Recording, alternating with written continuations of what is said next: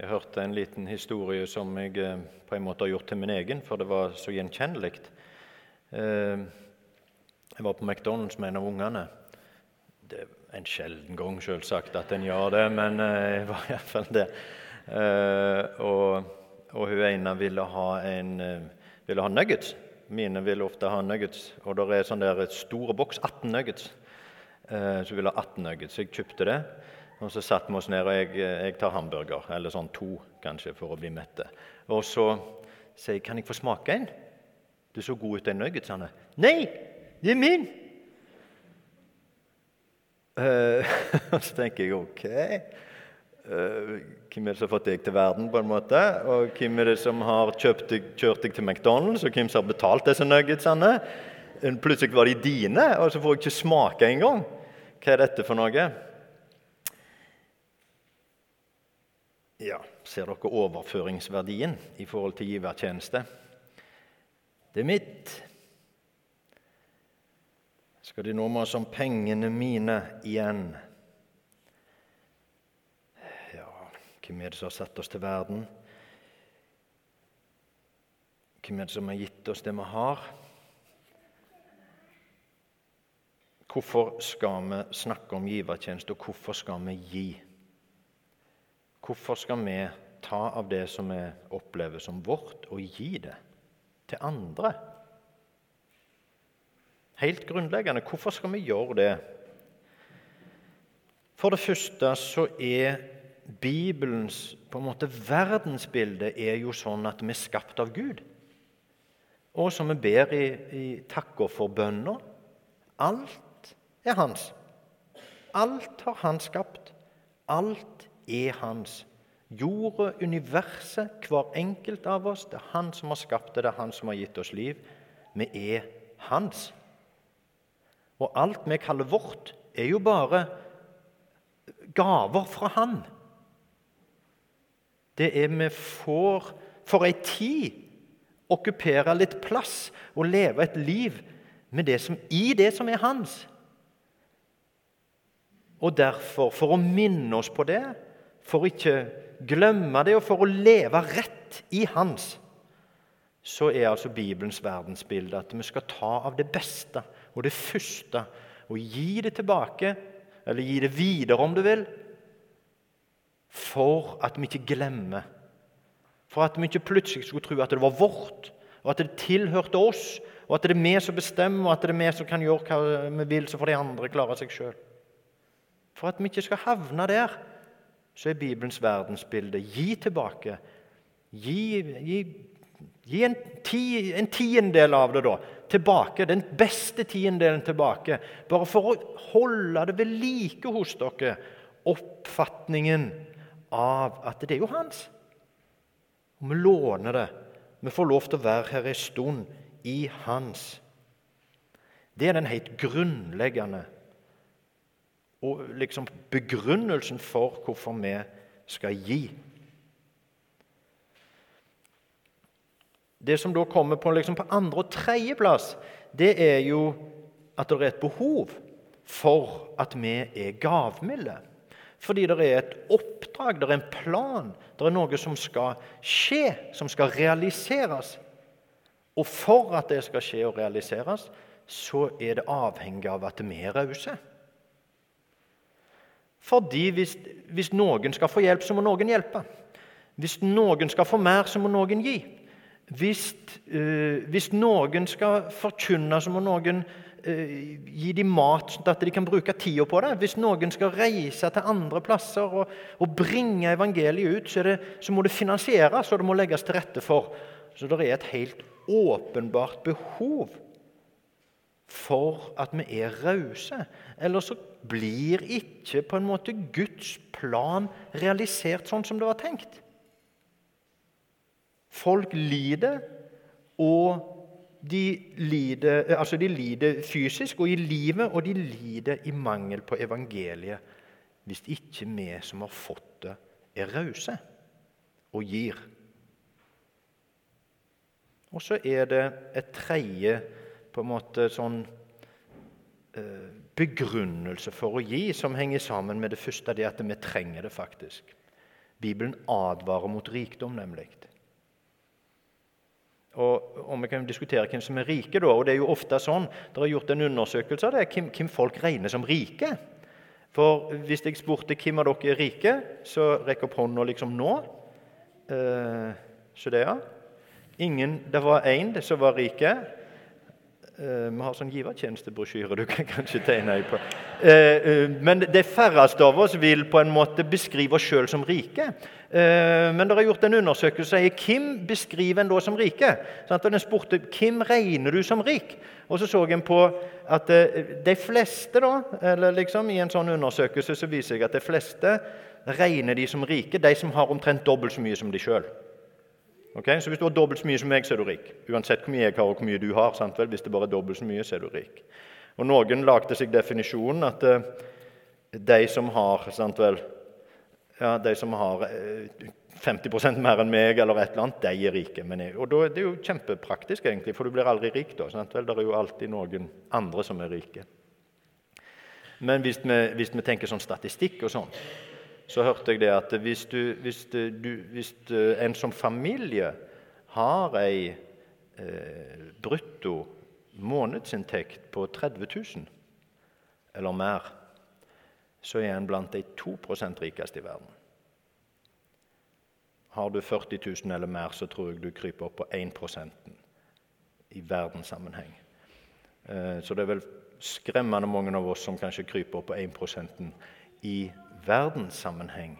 Og Da er det vanskelig, tenker jeg Vi kan godt prøve, men det er vanskelig å argumentere for at uh, en ikke er rik hvis en er blant de 1 rikeste i verden. Men ok, vi trenger å gi. Fordi penger er på en måte en snare.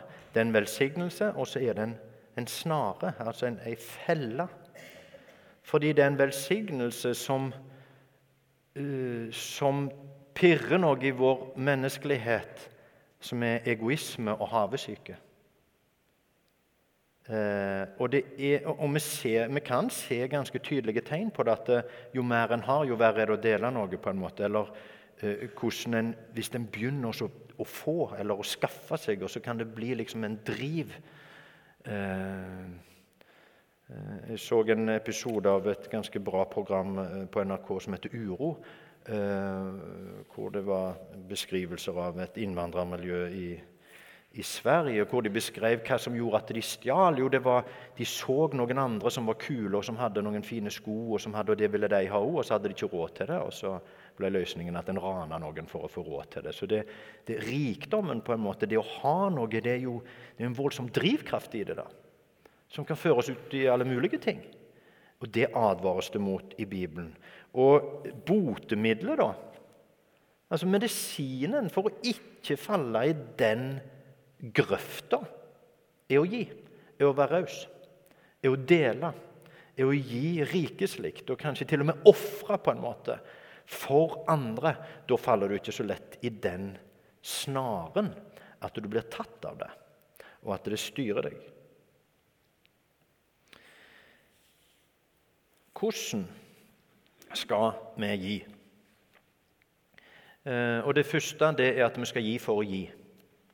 Eh, vi skal være kloke forvaltere. Eh, skal, det, det, det, er fornuftig og nødvendig å snakke om og få kunnskap om situasjonen til tiggere som, som sitter på gata. Er, er, det rett eller ikke rett å gi til dem? Er det eh, diskusjon om administrasjonsutgifter i nødhjelp? Går det virkelig til de som trenger det, eller koker det liksom vekk i kålen på veien?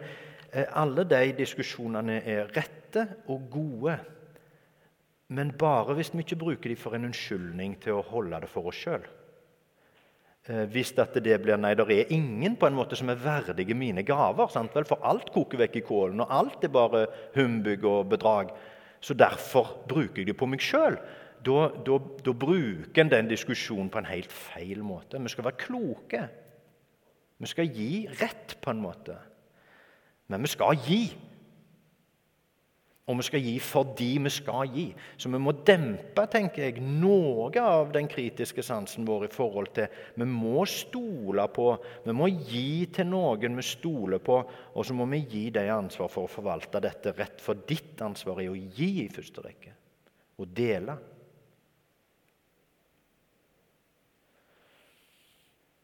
Hos oss her i menigheten så er det sånn at vi har en fast givertjeneste, og så har vi takkoffer, sånn som vi nettopp tok opp. Og Hvis vi sammenligner oss Det er en dårlig idé, men hvis vi gjør det, så, eh, så regnes jo Veavågen menighet som en veldig raus menighet. Vi ligger veldig høyt på statistikken over takkoffer på gudstjenester, f.eks. Veldig bra. Så klapp dere sjøl på en eller annen plass for det. Eh, og vi har hatt en fast givertjeneste i mange år, og vi har samla inn sant, Nå er det tiårsjubileum for kirkebygget i desember, og vi har hatt givertjeneste fra før det. Og den kom ganske fort opp på et nivå. Nå ligger den vel, tror jeg. Det er ikke jeg som administrerer den, hvis noen var redde for at jeg kikket på hvor mye dere gav før jeg holdt preken. Det vet jeg ikke. Men jeg vet totalen, og den er på en 340 50 000 i året. Så gang det med ti, eller tolv, eller et eller annet sånt, så har dere, eller vi, da, jeg er med der, jeg eh, gitt raust lenge. I forhold til mange andre som vi kunne sammenligne oss med. Men det skal vi ikke.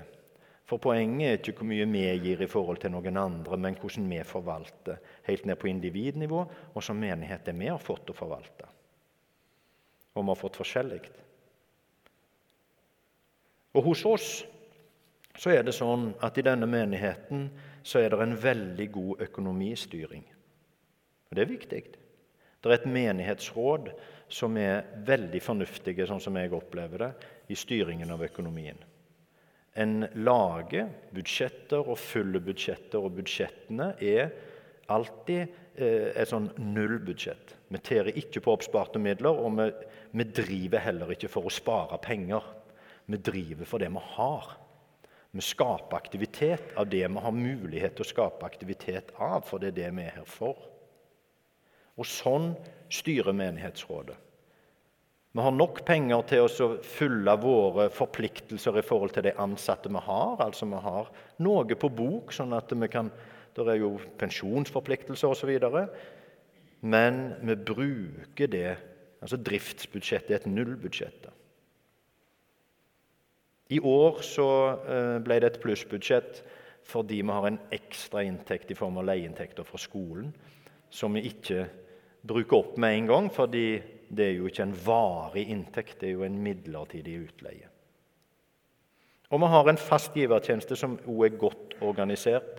Det er brosjyrer, faktisk, og de ligger der ute. Vi har tusenvis av de sikkert hvor det står litt om givertjeneste, og hvor det er et skjema hvor en kan fylle ut, og så kan få en en sånn en avtalegiro. Det trekkes automatisk faste månedlige beløp, og det innrapporteres til skattemyndigheter.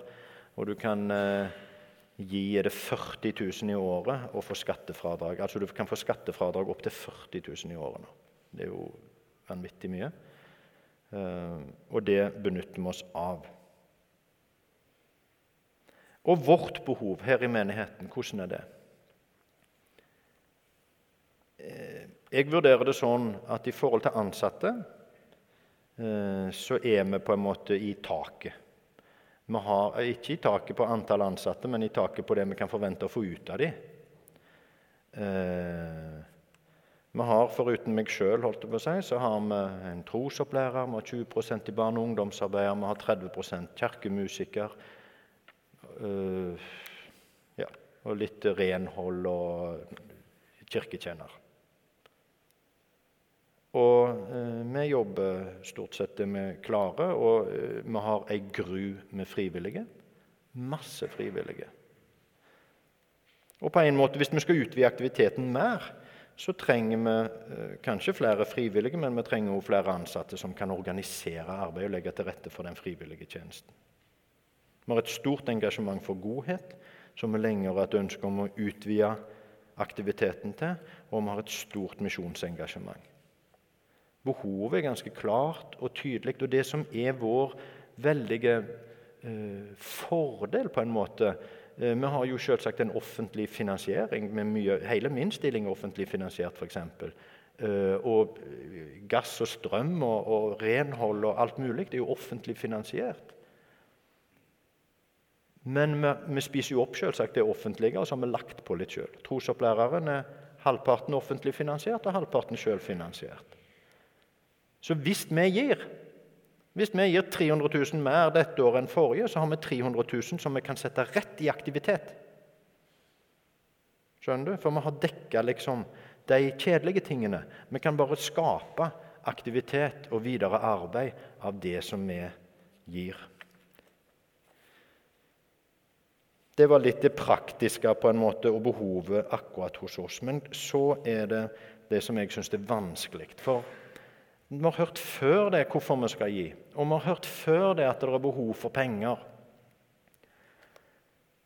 Så kunne jeg sagt det og så sagt ammen, og så kunne vi gått hjem, og så hadde kanskje noen i beste fall hatt litt dårligere, dårligere samvittighet enn når vi kom. Men hva var poenget med det? Og det er det som har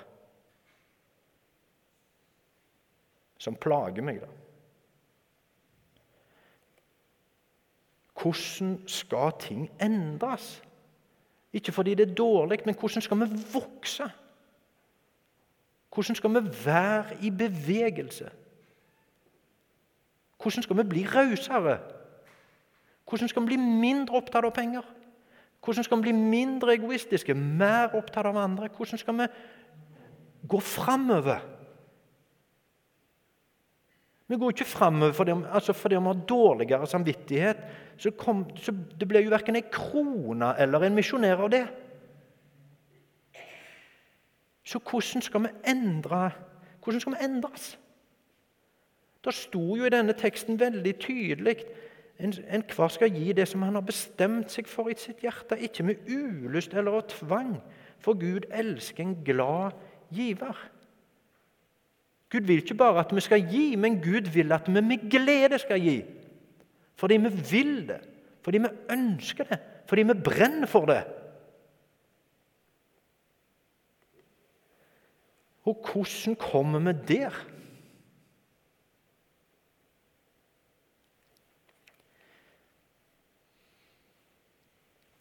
Og jeg er litt sånn Det blir jo litt et sånt spørsmål om pisk eller gulrot, på en måte. Og jeg tenker, Vi må jo, vi må jo ville det. Det må, det må, jo være et indre ønske. Og så tenker jeg samtidig Er vi skjøre? Er vi litt sånn at vi tåler lite på dette området? Er vi veldig sånn sarte, liksom, hvis noen kommer og pirker i akkurat dette? For hvis vi tenker hva vi bruker pengene våre på, hvem som har fått oss til å bruke pengene sånn som vi gjør Jeg bruker masse penger på forsikring, f.eks. For eksempel. hvem som har funnet på det? Hvem som har sagt at jeg skal bruke alt det penger på forsikring? Eller jeg bruker penger på bilene mine. Og eh, fordi det er et, et eller annet regel om at for Noen av bilene mine er så gamle at de må på EU-kontroll annethvert år. eller hva det er, to, så ok, hvis du sier det, så får jeg bare ble opp og sende den på EU-kontroll. Og var det en støtdemper som var gående, så vet vel ikke jeg det. Men mekanikeren sier at denne var litt svak, så den bør du bytte. Ja vel, det er ikke noe diskusjon. Opp med lappene, betal for det. Og så sier han ja, du bør sikkert skifte den andre, for den går snart. Ja, kom igjen, liksom. Jeg betaler, du sier jeg betaler, helt uten diskusjon. Og så sier Gud noe plutselig. Gi tilbake en tiendedel av det du har fått, for å ikke bli avhengig av pengene, sier han plutselig. Ja, Nei, det med tiende var vel noe som egentlig var den gamle pakt. Og nei, jeg har jo ikke så mye, jeg har jo lån tross alt. Jeg er vel i prinsippet i minus allerede. Og så tillater vi oss en, en lang liksom, argumentasjonsrekke for å ikke høre på det han sier. Men alle andre Det har jeg tenkt på. Hvorfor er det sånn?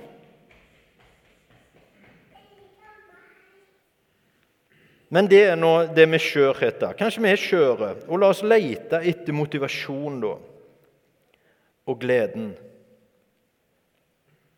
Og da er vi tilbake til at motivasjonen er takknemlighet. Takknemlighet. Og det har jeg òg tenkt mye på. Fordi Hvorfor er vi så lite takknemlige når vi har så mye? Hvorfor i all verden?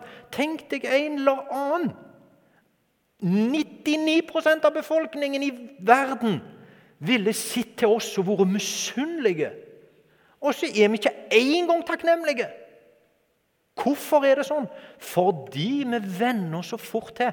Har du, har du kjøpt nye bil noen gang? Jeg, en gang har jeg vært i forhandleren liksom, og tatt ut ny bil og fikk blomst på kjøpet. liksom. Er det noen andre som har vært og tatt ut en ny bil? Ja, så få! Ja, ja det er sant vel, Astrid? Du, du og jeg vet det. Opp med neven. ja. Eh, det er jo knallgøy. Men hvor lenge var det gøy? Hvor lenge var det gøy? Hvor mange uker varte det for deg, liksom? Før du hadde vent deg til, og før du tenker vi kan jo ikke klare oss uten to biler. Hallo? Hvor skal det gå? Plutselig må vi gå eller sykle eller ta bussen eller sånn. Skjønner du? Vi venner oss utrolig fort til å ha det vi har, og så blir det nesten umulig å gå tilbake. Det er jo ikke så mange år siden vi levde med ei mye lavere lønn, med en helt annen standard. Bare jeg, jeg føler meg jo ikke så gammel, tross alt. For ikke snakke om liksom, foreldrene mine som fikk ei appelsiner til jul under krigen. og sånn, For det påstår de fortsatt at de gjorde.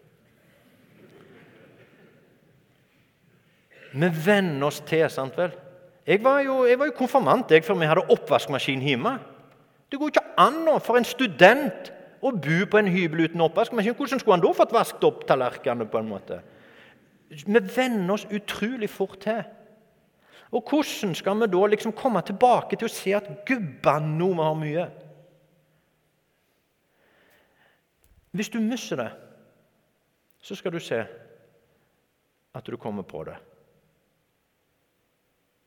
Hvis begge bilene dine brenner opp og du ikke hadde forsikra dem, tenk deg det, da.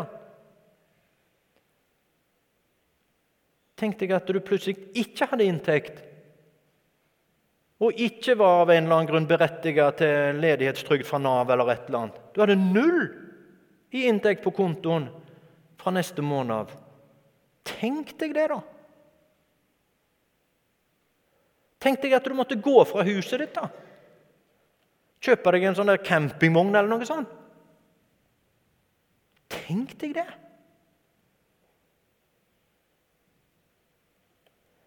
Da hadde vi sett Jammen. Eller reis til Afrika. Det hjelper, det òg. Det hjalp iallfall for oss. Ca. et halvt år hjalp det etter vi var kommet hjem. Vi var fornøyde med gamle eh, sånne der gjenbruksmøbler fordi vi visste noe annet kanskje et halvt år så måtte vi ha noe nytt. Men vi så noe.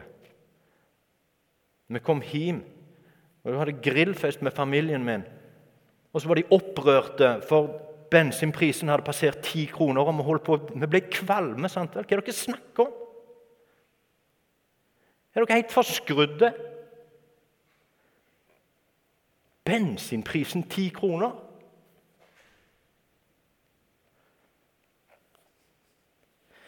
Det gikk ikke så lenge, men det virka en stund. Hvis du mister noe, ta det vekk. Bare tenk deg at det ble tatt vekk. Så kanskje du ser hva du har. Og kanskje det kan skape takknemlighet. Og kanskje takknemligheten kan rettes mot Gud.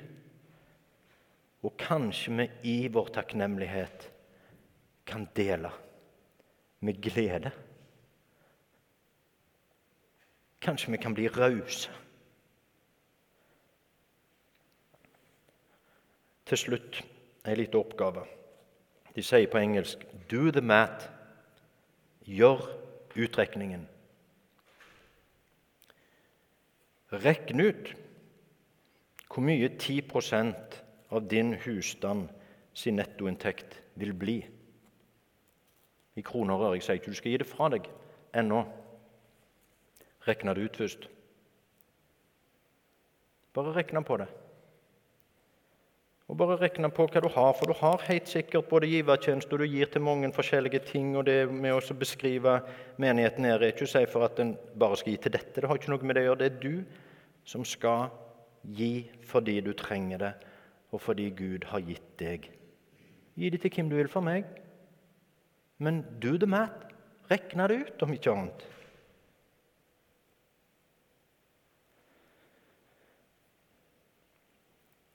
Vi bør ha en fast givertjeneste, en fast ordning hvor vi trekker av det vi får, og gir det videre. Og så vil Gud at vi skal ha en raushet og et indre hjerte som gjør at når vi møter konkrete utfordringer, et takkoffer eller en tigger eller en loddselger eller hva det var som var den konkrete utfordringen, så er vi rause. Så deler vi uavhengig av givertjenesten eller tiende, men vi deler. Det tror jeg Gud vil. Så la oss ta sjølansvar. La oss ta sjølansvar for å bli rause. La oss tenke på hva vi har, og la oss skape takknemlighet i vårt hjerte, sånn at vi vil, og sånn at vi deler.